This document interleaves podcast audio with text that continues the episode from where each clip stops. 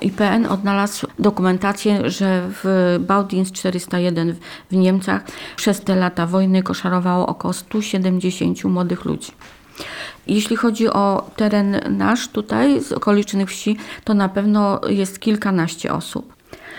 W mojej rodzinie co najmniej czterech albo pięciu młodych ludzi odpracowywało ten przymus pracy w junakach. Historii można się nauczyć najbardziej chyba na własnym przykładzie, na przykładzie najbliższych i na przykładzie miejsca, w którym się żyje, tak? To wszystko też odczuwam jako, powiem nieskromnie może, że jestem narzędziem, tak? Że jest to jakieś prowadzenie, że ta w sumie no, wszystko amatorszczyzna, a jednak są materiały, są dokumenty, dowody, opowieści ludzi. I też wielki dar, jakim byli ci moi rodzice, szczególnie mama, która te wszystkie opowieści snuła tak, jakby to się działo wczoraj. Był Józio Zgierski, był Edek Filipek, czy tam Józio Stachura. To wszystko byli ludzie z jej pokolenia i ona to tak opowiadała plastycznie, że przekazała mi ogromną wiedzę o junakach. der realen Notwendigkeiten der geschichtlichen Lage unseres Volkes und Reiches. Daher wird die Gerechtigkeitsübung im Generalgouvernement ernst, aber menschlich sein.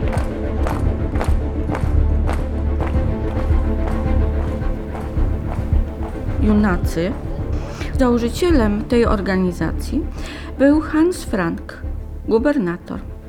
On wygłosił w październiku 1939 roku Generalne gubernatorstwo jest polskim rezerwatem, wielkim polskim obozem pracy. Polak, w przeciwieństwie do naszego niemieckiego robotnika, jest urodzony właśnie do czarnej roboty. I ten zamiar realizował właśnie, organizując i zakładając przeróżne obozy pracy przymusowej właśnie jako alternatywę dla robót w Rzeszy Niemieckiej dla młodych Polaków. Między innymi były to tak zwane obozy służby budowlanej w generalnym gubernatorstwie o nazwie Baudienst. Działały w Polsce od 40 do 45 roku. Junacy zostali skoszarowani w budynku szkoły w Niemcach. Ławki były wyrzucone na strych w bardzo wielkim nieładzie. W salach były prycze. W jednych salach mieszkali polscy niewolnicy, młodzi ludzie, a w innych salach mieszkali Wehrmacht, strażnicy niemieccy. Obok była wybudowana jeszcze dodatkowy duży budynek drewniany, który był kuchnią, magazynami. Jeszcze po wojnie funkcjonował przy szkole. Nawet tam dzieci miały zajęcia praktyczne. Dopiero jak rozbudowali nowe skrzydło szkoły, to to rozebrali.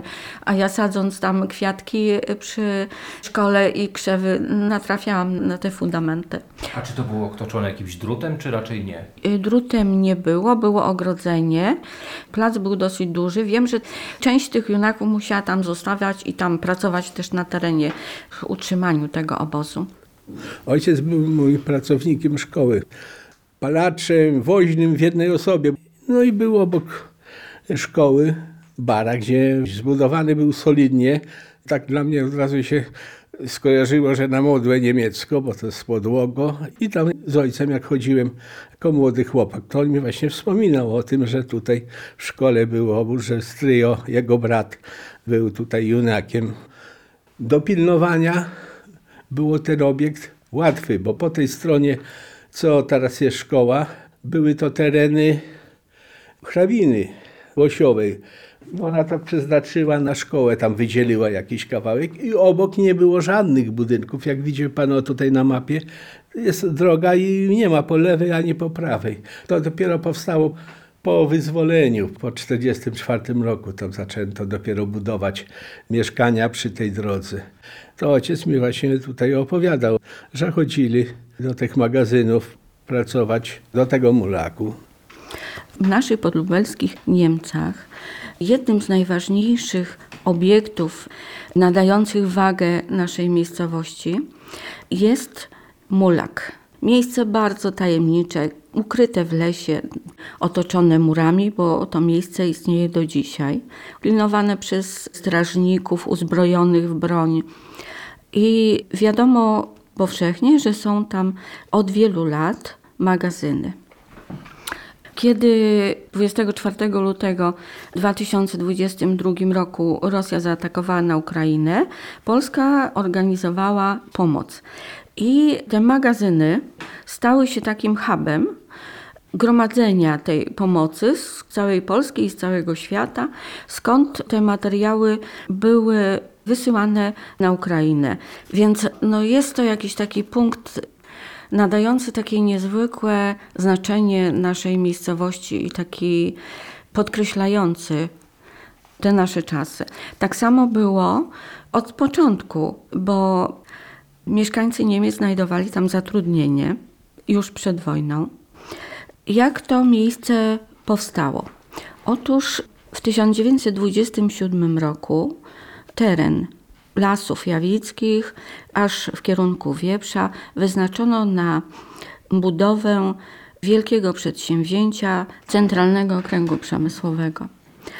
Po wykupieniu terenu od pani hrabiny Marty Łosiowej, no rozpoczęto te inwestycje. Miało tam być elektrownia na Wieprzu, miała być fabryka broni oraz magazyny tam był montaż poszczególnych elementów amunicji i przechowywanie tej amunicji już gotowej do czasów wybuchu wojny. Wybudowano magazyny.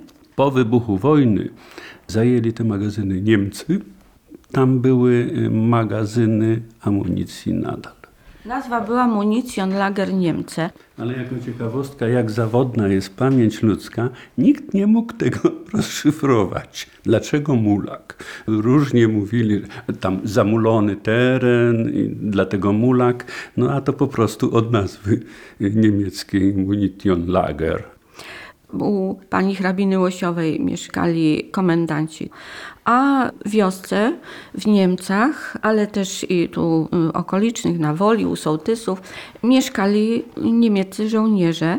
Nie mamy oczywiście dokumentacji. Mowa jest od 80 do około 150, więc pewnie ta liczba była płynna. Jedną chałupę zarekwirowali. Mieli taki klub Deutsche Haus to był klub niemiecki, gdzie tam się spotykali i Mieścił się w jedynym murowanym domu w Niemcach. to było u państwa Małków.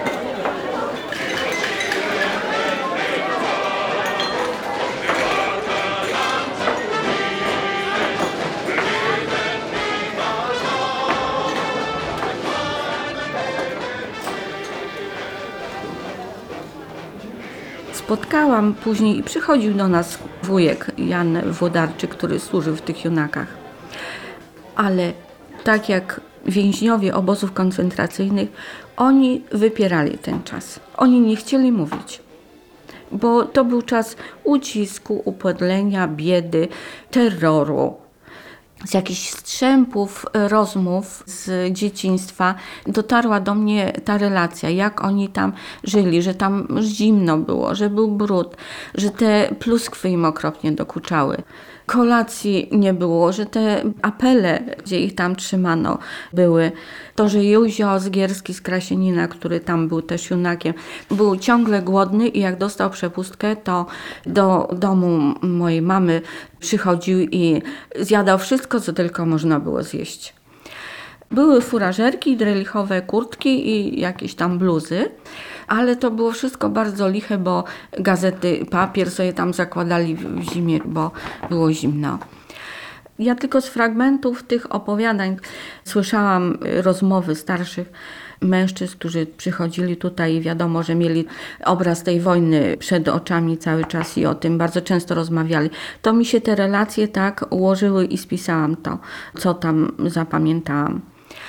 O tych junakach to najwięcej wiem ze wspomnień mojej mamy. Zamiast chodzić do budynku szkolnego, uczyła się w domu ludowym, który mieścił się w centrum Niemiec i ci junacy codziennie widziała, jak oni tam maszerują. Ale mimo wszystko ta młodość z nich jakoś promieniowała, ta energia chyba ich nosiła, bo moja mama wtedy to miała tak gdzieś z 10 lat, ze 12 i ci młodzi chyba jej się bardzo podobali, bo zapamiętała ich piosenkę, którą ułożyli. Codziennie maszerowali do tego mulaku, to jest kilka kilometrów i musieli jeszcze po drodze śpiewać. To był szyk taki czwórkami wojskowy. Gdy idzie batalion, to drży cały świat, a przecież my wiele szkoleni. Dwanaście miesięcy leci jak sen i nic się nikomu nie stanie. W domu rodzinnym nie jeden się z nas później roześmieje, jak z koszar niemieckich wyszliśmy w największą zimową zawieję. Czyli ta nadzieja jakaś w tych młodych, prostych dosyć ludziach była. Wiem, że praca była 12 godzin. Pracowali w tych magazynach, ale też pracowali, tu mamy takie zdjęcia, w kopalni piasku i w innych obiektach, które były taką obsługą tych magazynów. Ci, którzy do kopalni to z jakimiś łopatami czy czymś przechodzili ten odcinek drogi od szkoły i tam około 3-4 kilometrów tej trasy pokonywali. Dysponuję takimi nawet zdjęciami i dzisiaj mogę to pokazać. Zdjęcie lotnicze z 1944 roku, z sierpnia.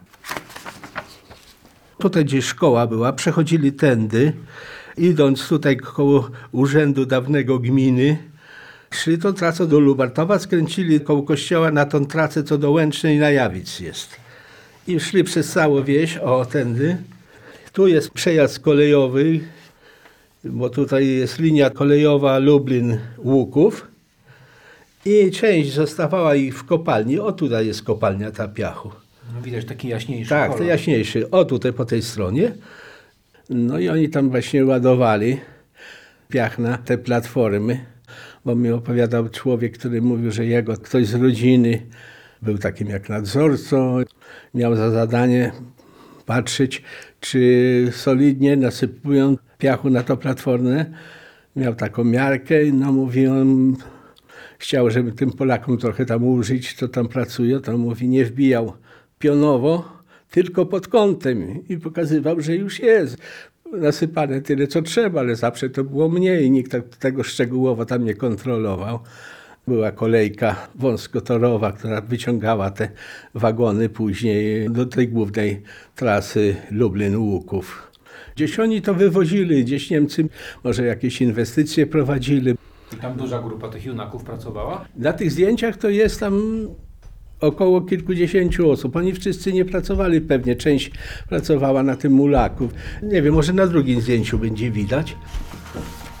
I idąc przez las po prawej stronie tutaj były ten mulak, te magazyny, amunicja. I później wracali tą samą trasą.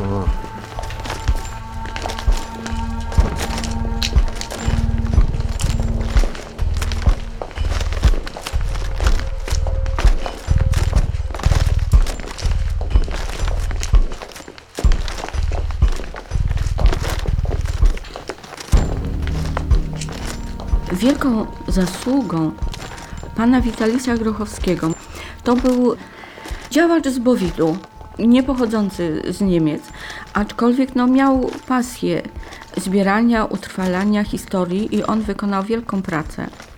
Mianowicie w latach 60., 70., jak to mówili tu ludzie na wsi, chodził po chałupach i się wypytywał. Ludzie dziwnie na niego patrzyli, bo po co się pytać, skoro wszyscy pamiętają. No, okazało się, że pan Witalis napisał kronikę gminy Niemce w latach II wojny światowej i to dzięki niemu o wielu rzeczach się dowiadujemy. Na przykład o tym, jak tu ludzie żyli i jak ten niemiecki terror działał. Ale pisał też właśnie o junakach. Jeśli chodzi o ruch oporu, oni się oczywiście buntowali, ale był jeden bardzo mocny punkt na początku istnienia tego obozu. Mianowicie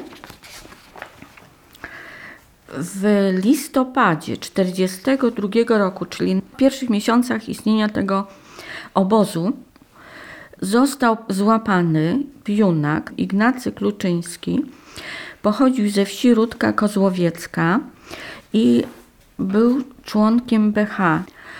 Pracował razem z innymi junakami właśnie na Mulaku, wykradał ze składów amunicję, przekazywał podziemnej organizacji BH w Rudce Kozłowieckiej, ukrywał tę amunicję w butach. No, oni mieli drewniaki, prawda? I w tych drewnianych podeszwach wydrążali. Wie pan, Akurat jego rodziny bliskiej nie ma, bo on nie miał dzieci, nie ma kto dbać jakby o jego pamięć, ale jego daleki kuzyn Paweł Kluczyński opowiadał, że w rodzinie zachowała się pamięć tylko o tych strasznych obrazach, bo jak oni złapali Ignacego, Niemcy, na wynoszeniu tej amunicji, na oczach wszystkich junaków, wyrywali mu paznokcie, strasznie go storturowali. Wiadomości też chcieli wydobyć. Podobno nic się nie udało, że zachował się niezwykle dzielnie, mężnie i wywieźli go prawdopodobnie na zamek albo gdzieś w nieznanym kierunku.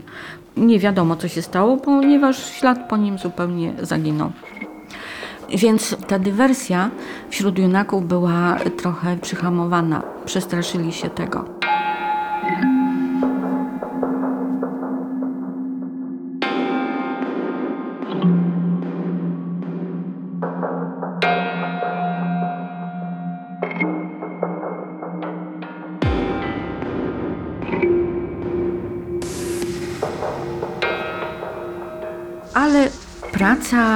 Ruchu oporu w obozie Baudienst była.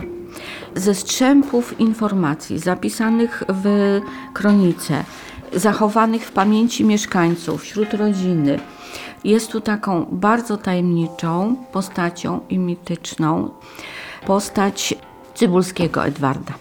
Był on żołnierzem AK, który został tutaj oddelegowany specjalnie do tego obozu Baudins 401 w celu organizacji ruchu oporu wśród tych junaków. I teraz muszę powiedzieć o działalności Armii Krajowej w Niemcach, bo to się wiąże z organizacją ruchu oporu wśród junaków. Wielką rolę odgrywał proboszcz tej parafii, ksiądz Władysław Jędruszak, który był kapelanem lokalnego oddziału Armii Krajowej, miał pseudonim Żagiel. Proboszcz Jędruszak znał bardzo dobrze też język niemiecki. Wykorzystywał tę znajomość do pomagania ludziom tutaj. Wielu wykupił z więzienia, z Majdanka nawet. I też na pewno współpracował z tym oddziałem Armii Krajowej, która organizowała ruch oporu wśród junaków. Już przechodzę teraz do meritum, bo opowieść o Cybulskim znam z kolei od mojej teściowej, mieszkanki Zalesia. Moja świętej pamięci teściowa była pracownikiem Urzędu Gminy i po wojnie dużo współpracowała z księdzem Jędruszakiem. I od niego dużo opowieści wojennych usłyszała. On ją bardzo lubił. To było chyba z lipca w 1944 roku i ta opowieść wyglądała tak. Do księdza Jędruszaka przyjechali żandarmi. Lubili do księdza zajeżdżać, ponieważ starając się utrzymywać z nimi dobre stosunki, zawsze przygotowywał dla nich poczęstunek. I wyjawili, po co przyjechali. W poszukiwaniu organizatora ruchu oporu w obozie Baudienst Cybulskiego. Ksiądz Jędruszak wysłał ich do magazynów na Mulak, a wiedział, że Cybulski ma w tym dniu dyżur, czy w kuchni, czy nie wiem, jakieś remontowe prace, że Cybulski jest przy szkole. I on biegiem do szkoły i nawet się nie zatrzymując, tylko krzyknął: Przyjechali po ciebie. Ksiądz pobiegł dalej, także tylko ten zainteresowany się zorientował, bo wie pan, wśród junaków nie wszyscy byli patriotami. I wiadomo było, że ten Cybulski gdzieś zniknął. Kiedy tutaj były niemieckie jeszcze obławy na partyzantów, to jest jakaś ironia losu, bo no złapali go ci Niemcy. Może był tak zmęczony, bo złapali go, kiedy zasnął siedzącego pod drzewem w lesie. Nie wiem, no może był chory. I następny obraz zachowany w relacji rodziny męża do tej cioci mojej, która niedawno zmarła i która też nie chciała o tym mówić, bo to ludzie wypierają te obrazy. Niemcy tego Cybulskiego strasznie torturowali w Kuźni na Zalesiu tymi narzędziami kowalskimi. W końcu jeździli po nim samochodem. Ten obraz się zachował i w pamięci mieszkańców i pan Grochowski też to opisał. Niestety ślad po nim zaginął. Ja sobie dopiero teraz przypominam, że jak powstał IPN, to rodzina tego Cybulskiego usiłowała znaleźć jakiś ślad, jakieś dokumenty i pisała do szkoły, do Niemiec. No, ale wie pan, że ja wtedy w ogóle Czym innym się zajmowałam? Młodzieżą. Zachłannie pracowałam, cieszyłam biolog, się jako jako biolog? biolog, tak, ogródki robiłam, fotografie, park krajobrazowy, no po prostu życie mnie tam pochłaniało, to współczesne. Ale widzi pan, coś zostało, jakiś taki ten duch, te ofiary upominają się o pamięć. I ten Cybulski był właśnie chyba organizatorem tego ruchu oporu, bo tu junacy tę amunicję wykradali i dostarczali i batalionom chłopskim, które tu prężnie działały w Krasieninie, na Sutowie, w Rudce Kozłowieckiej i dostarczali bardziej stronę Łęcznej do Armii Krajowej, do Uskoka. Wiemy, że ten Kluczyński, który zginął na początku, to był z batalionu chłopskich. Pozostałych nie bardzo znamy, ponieważ im się udało, bo oni wynosili i w zupie, i w tych materiałach to był jedwab ze spadochronów, z których później tutaj kobiety szyły sobie bluzki, robiły swetry nawet.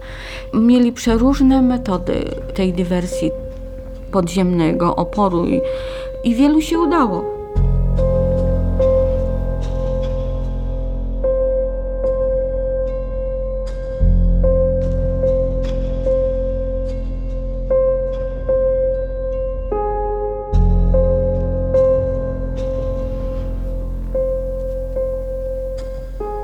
Tu zapisane jest kronicę Witalisa Grochowskiego i też w dokumentacji IPN-u, że ten obóz był trzykrotnie rozbijany. W styczniu i kwietniu 1943 roku. Tak, napadali partyzanci. Nie zachowało się, czy to było BH, czy to było AK. Ewidentne jest to, że było to połączone zawiedzą i współpracą junaków. Chyba się bali tych Niemców likwidować, bo bali się, żeby ofiar nie było. Zabrali broń, amunicję i pewnie żywność jeszcze, która tam była. I to wszystko wracało dalej, obóz funkcjonował, bo junacy to była wielka stawka. Albo on pracuje, albo rodzina na Majdanku, albo gdzieś jeszcze w Oświęcimiu. W zasadzie maj, czerwiec, lipiec to już po prostu żało, już tutaj ludzie się dusili w tej niewoli niemieckiej, ale Niemcy do końca trzymali reżim. I jeszcze wiąże się właśnie historia Józefa Brzozowskiego, jednego z junaków. Kiedy zbliżał się front, partyzanci po raz kolejny napadli na obóz. Dzień dobry. Ale piesków? Tak. My lubimy takie różne zwierzęta. Proszę bardzo. To pana królestwo. Tak jest. A mógłby pan telewizor jakoś przyciszyć bardzo albo wyłączyć? wyłączę. O Józefie. Tak. Wzięli go do junaków. No obóz taki był, że jak ktoś 18 lat skończył, to przymusowo brali. On w szkole mieszkał wtedy? Tu mieszkał w domu, dochodził do tej szkoły. Zbliżał się front i już partyzanci się nie bali. I tam Niemców trochę rozgonili. I każdy do domu poszedł sobie z tych junaków. Niektórzy poszli do lasu, no bo już myśleli, że różnie może być. Ojciec palił dużo papierosów. I mój brat, papierosów było pełno i ojcu przyniósł kupę takich papierosów, jakieś płachcie czy coś takiego. Bo Niemcy podobno papierosami płacili. Być może i dlatego tych papierosów było, no jak przyniósł tyle ojcu, a ojciec się zdenerwował i kazał mu z powrotem odnieść. I on na drugi dzień poszedł, zaniósł te papierosy, a oni go od razu już aresztowali, bo Niemcy wrócili, zaraz wrócili na drugi dzień. I od razu na zamek lubelski. Nosiła jeść, bo matka do tego zamku. Też na piechotę przecież to jest kawał drogi. Jakie miały zdrowie kiedyś ludzie, nie? Matka była już w starszym wieku przecież. Już ich wyprowadzili, chcieli ich jeszcze rozstrzelać wszystkich, bo tam wcześniej jakąś grupę rozstrzelili i on tam był po prostu już na rozstrzał. I już się przygotowali, żeby sobie stanęli i mieli się odwrócić tyłem, żeby nie widzieli, jak coś strzela. A czołg rosyjski wjechał i to wszystko się roztruło. Uciekli Niemcy. No i ocalał w taki sposób. Wie pan, ta wojna to była po prostu tak straszna rzecz i wymagała od ludzi takiego hartu, jakiegoś ducha. Jak ja myślę o historiach tych rodzinnych, mianowicie Józef Stachura, tak? Skąd on się wziął w mojej rodzinie? Mój dziadek został wdowcem. Ożenił się z wdową po Stachurze. Ta macocha wniosła do tego związku historię o swoim synu. Od niej znam tę opowieść. Józef Stachura był w Junakach i działał w ruchu oporu Armii Krajowej. I w perspektywie zbliżającego się frontu nie mógł już znosić tego terroru, tego poddaństwa, tej pracy na Niemców, chciał walczyć. Wiadomo było, że są duże zgrupowania partyzantów AK w okolicach Łęcznej, więc on miał kontakty z tymi oddziałami i razem z Edwardem Filipkiem postanowili zrobić akcję. To jest zdjęcie przedstawiające wesele Heli Stachurównej, czyli córki tej macochy, które było podobno 10 lipca. I Józio, jej brat z junaków z obozu przyszedł. Wyrzucił ten strój junaka, założył najlepszy garnitur, najlepszą koszulę. I powiedział matce właśnie, mamo, jak wrócę, to może będę generałem. A jak nie wrócę, to mi już nic nie będzie trzeba. I garnitur, i koszula, i buty, wszystko już będzie niepotrzebne. On się wybierał do wolności, wie pan. Jego towarzysz, z którym organizowali ten sabotaż, należał do rodziny mojego ojca. Otóż siostra mojego taty wyszła za mąż za policjanta przedwojennego. Policjant wniósł do tego związku dwóch synów z poprzedniego małżeństwa, ponieważ był wdowcem. Właśnie Edward Filipek był w Junakach i był w ruchu oporu w tej samej opcji, w której był Józef Stachura, czyli AK. I oni obydwaj zorganizowali kradzież broni, rozbroili tam jakichś strażników, amunicji naładowali, wzięli furmankę, konia i jechali do Kijan. I chcieli dołączyć do tego oddziału. Nie wiadomo z jakich powodów wpadli w zasadzkę na moście w Bystrzycy. To się działo w nocy, więc to musiał ktoś ich zadenuncjować. Może patrol niemiecki pilnował mostu w tych czasach. Matka Edwarda Stachury, zaraz jak się dowiedziała, pojechała do Bystrzycy, do tego miejsca, pytać, szukać. I dowiedziała się o okolicznościach, o tym, że ich gestapo zabrało. I na miejscu znalazła właśnie ten nieśmiertelnik Józefa Stachury. A wie pan, jaki tego sens tego, bo to są dwie jednakowe połówki. Tak, i w chwili śmierci przełożony czy kolega zostawiał na szyi żołnierza połówkę, a identyczną zabierał i oddawał do wypisania ze stanu, po prostu jako dowód śmierci. Ale wrócę do losów Filipka. Józef Stachura i Edward Filipek zostali przesłuchiwani przez gestapo i prawdopodobnie nic nie powiedzieli, dlatego że zostali przywiezieni na posterunek policji granatowej do Niemiec.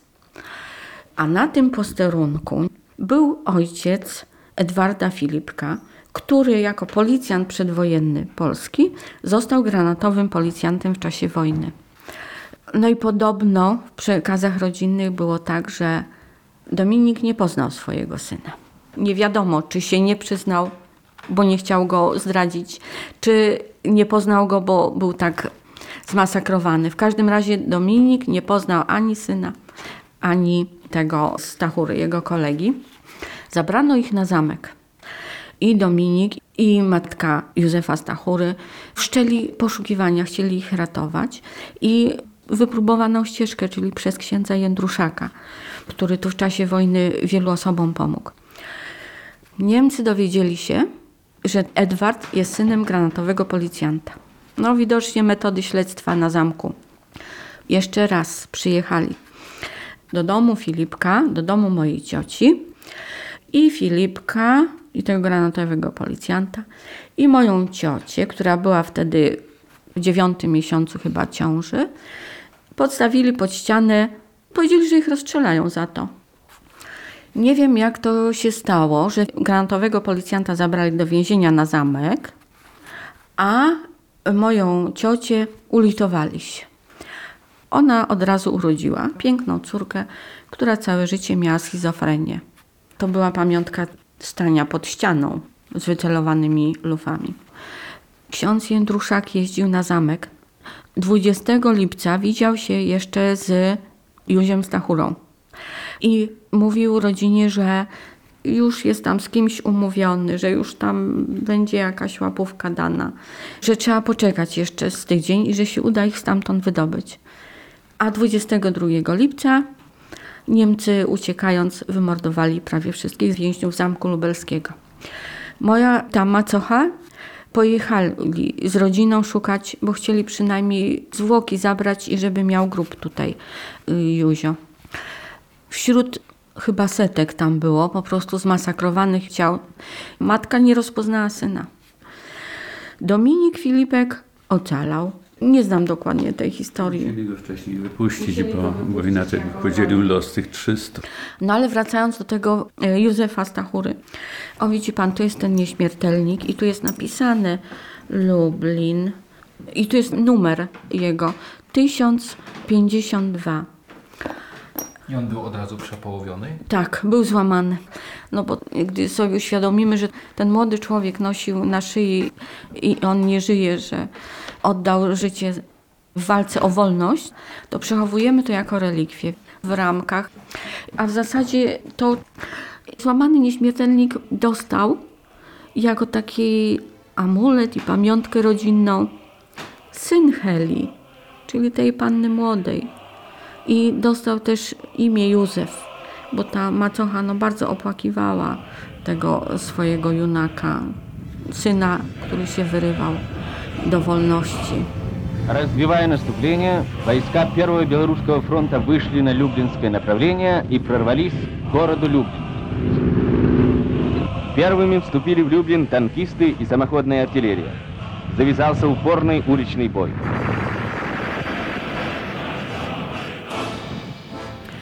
Historia obozu skończyła się tak, że Niemcy stacjonujący w naszej wsi i pracujący na mulaku i dozorujący junaków spodziewali się frontu, ale byli zaskoczeni. Przyjechali od północy taki manewr okrążający. Czołgi rosyjskie przyjechały właśnie od Łukowa. Niemcy opuścili Mulak, nie zdążyli go wysadzić, nie zdążyli wysadzić wsi Niemcy i Mulak zajęli Rosjanie. I znowu historia się powtórzyła. Rosjanie, którzy pracowali na Mulaku, zamieszkali prawie w tych samych kwaterach, co mieszkali Niemcy. A nawet dokładnie tutaj na mojej wsi, na Woli Niemieckiej, to w domu sołtysa miejsce dawnego Niemca zajął Rosjanin. A właśnie Mulak, Rosjanie przejęli te magazyny i zaczęli tam organizować swoje centrum dostaw amunicji. I Niemcy się niestety zemścili. Z tego, co teść mój opowiadał, bo on tam jeździł wozem znowu do pracy. Przewożenie tej amunicji z wagonów do magazynów, do wykręcania zapalników, wkręcania, no takie zabiegi tam ludzie pracowali. I miał jechać tego feralnego dnia, ale że jeszcze tam ludzie nie pojechali, Październik 44, tak? tak, nastąpił wybuch.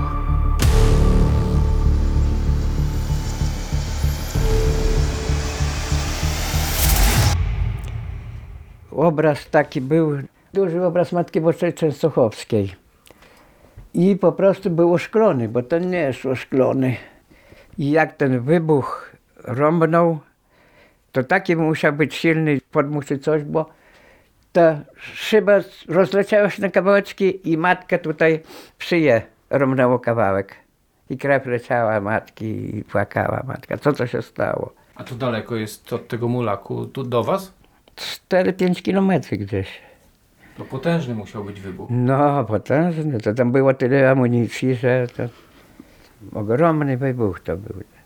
Wybuch był tak olbrzymi, że zniknęły wszystkie budynki, zniknął las wokoło tego kompleksu. Tak jak opowiadał mi jeden z mieszkańców, 60 Rosjan, którzy tam stacjonowali, zmieściło się w pięciu trumnach. Pożar i wybuchy trwały cały dzień. Spowodowało to wielką panikę, wielkie straty. Wielu ludzi w Niemcach zostało rannych. Moi pradziadkowie spojrzeli w okno, no i odłamki szkła wybiły im po jednym oku. Kościół stracił witraże, pękła wieża, także w wieży już nie mogą być dzwony. Było śledztwo, ponoć Samberia był jako szef bezpieczeństwa Związku Radzieckiego wtedy na miejscu. Prawdopodobnie z tego, co teść mój opowiadał, mieli im wstawić na bocznicę wagony z bombami lotniczymi.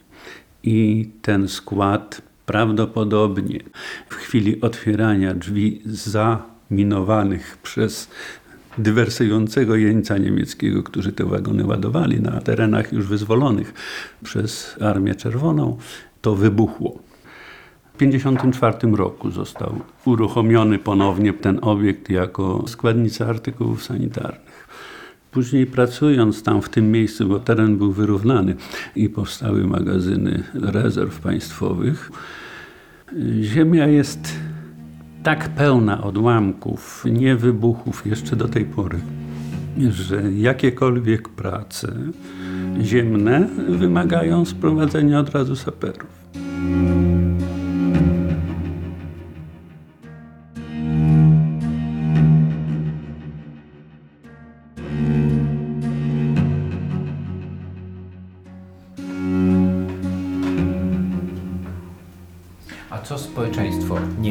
Wie na temat junaków dzisiaj? Nic nie wie, proszę pana.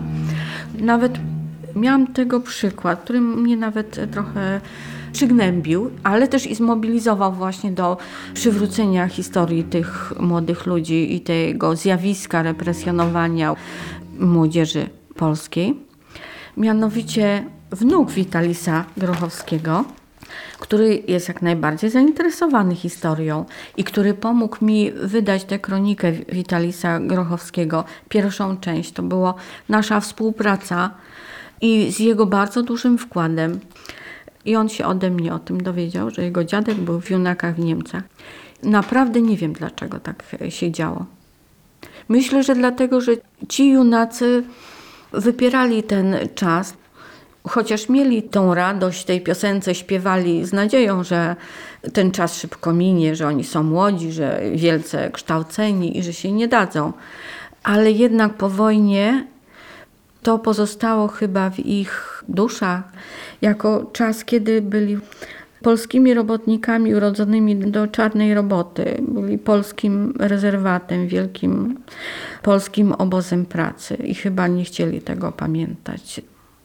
No, w tym roku została odsłonięta tablica pamiątkowa dzięki zaangażowaniu osobistemu pana dyrektora Jerzego Wójcika. Jestem mu bardzo wdzięczna, że te zabiegi moje zostały uwieńczone sukcesem i że te ofiary i te trzy lata, które były białą plamą w historii szkoły, zostały pięknie zapisane tą tablicą pamiątkową. Procedurę wszczęliśmy, kiedy pani Teresa Zembrzycka zwróciła się do szkoły o pomoc w realizacji tego przedsięwzięcia. Pozyskała okoliczne takie dokumenty, wspomnienia i chciała bardzo, żeby upamiętnić tych młodych ludzi, którzy tu pracowali na rzecz Rzeszy Niemieckiej.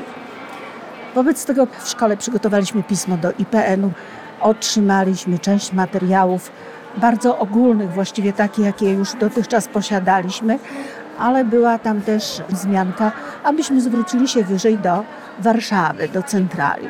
To też złożyliśmy również pismo do Warszawy. No i tam przeszukano archiwa.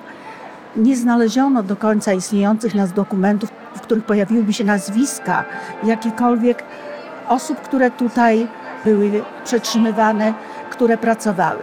W związku z tym zwróciliśmy się już ponownie do IPN-u, do pana kierownika Romanka, który podpowiedział nam, żeby ufundować tablicę o takiej bardziej ogólnej treści, że tu w tym miejscu był tego typu obóz, miał numer swój, prawda, gest. Natomiast nie mogliśmy zamieścić żadnych nazwisk, ponieważ no, nie było tego potwierdzenia w e, archiwach. Bardzo proszę o zabranie głosu pana Jerzego Wójcika, dyrektora Szkoły Podstawowej imienia Marty Zbudnych-Łosiowej w Niemcach. Dzisiejszy dzień to dla mnie ważny czas. Jestem wzruszony, że mogę w postaci tej oto tablicy pamiątkowej przekazać młodzieży i lokalnej społeczności kartę historii Polski z czasów II wojny światowej, historii najbliższej, bo dziejącej się w naszej szkole. Dziękuję bardzo. A teraz zaproszę osoby, które dokonają aktu odsłonięcia tablicy pamiątkowej. Może ksiądz biskup z panem wójtem? Dobrze, No, ona i się chciałem oderwie. powiedzieć. Ona się oderwie. A nie, to ja nie chciałem do końca. To trzeba do końca. Nie, to już niech wójt pociągnie. Śmiało. Dziękujemy za odsłonięcie tablicy.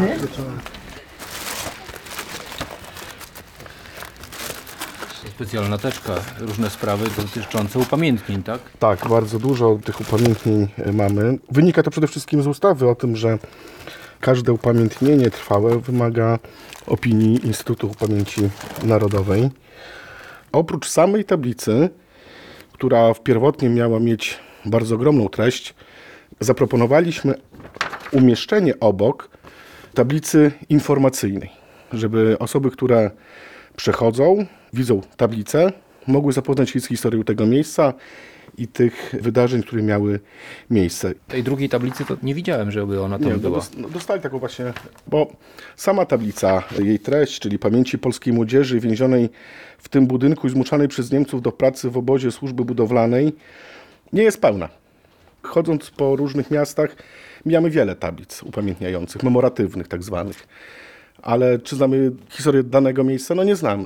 Więc to było takie rozszerzenie, pokazanie młodzież, która udaje się do tej szkoły, czy uczęszcza do tej szkoły, też powinna znać historię tego miejsca.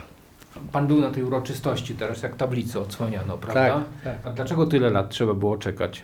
No właśnie, nie wiem czemu. Może to były takie czasy niesprzyjające mówieniu o takich sytuacjach. Może nie było ludzi, którzy by chcieli to powiedzieć, no, bo ja się dziwię, może i to i społeczeństwo jakieś takie, bo widzę nieraz w sąsiednich miejscowościach, tam gdzieś widzę, że tam bardziej udokumentowane są jakieś takie działania, pamięć o tych, co się wydarzyło, a tutaj jakoś mówię, jakoś to tak ciężko szło.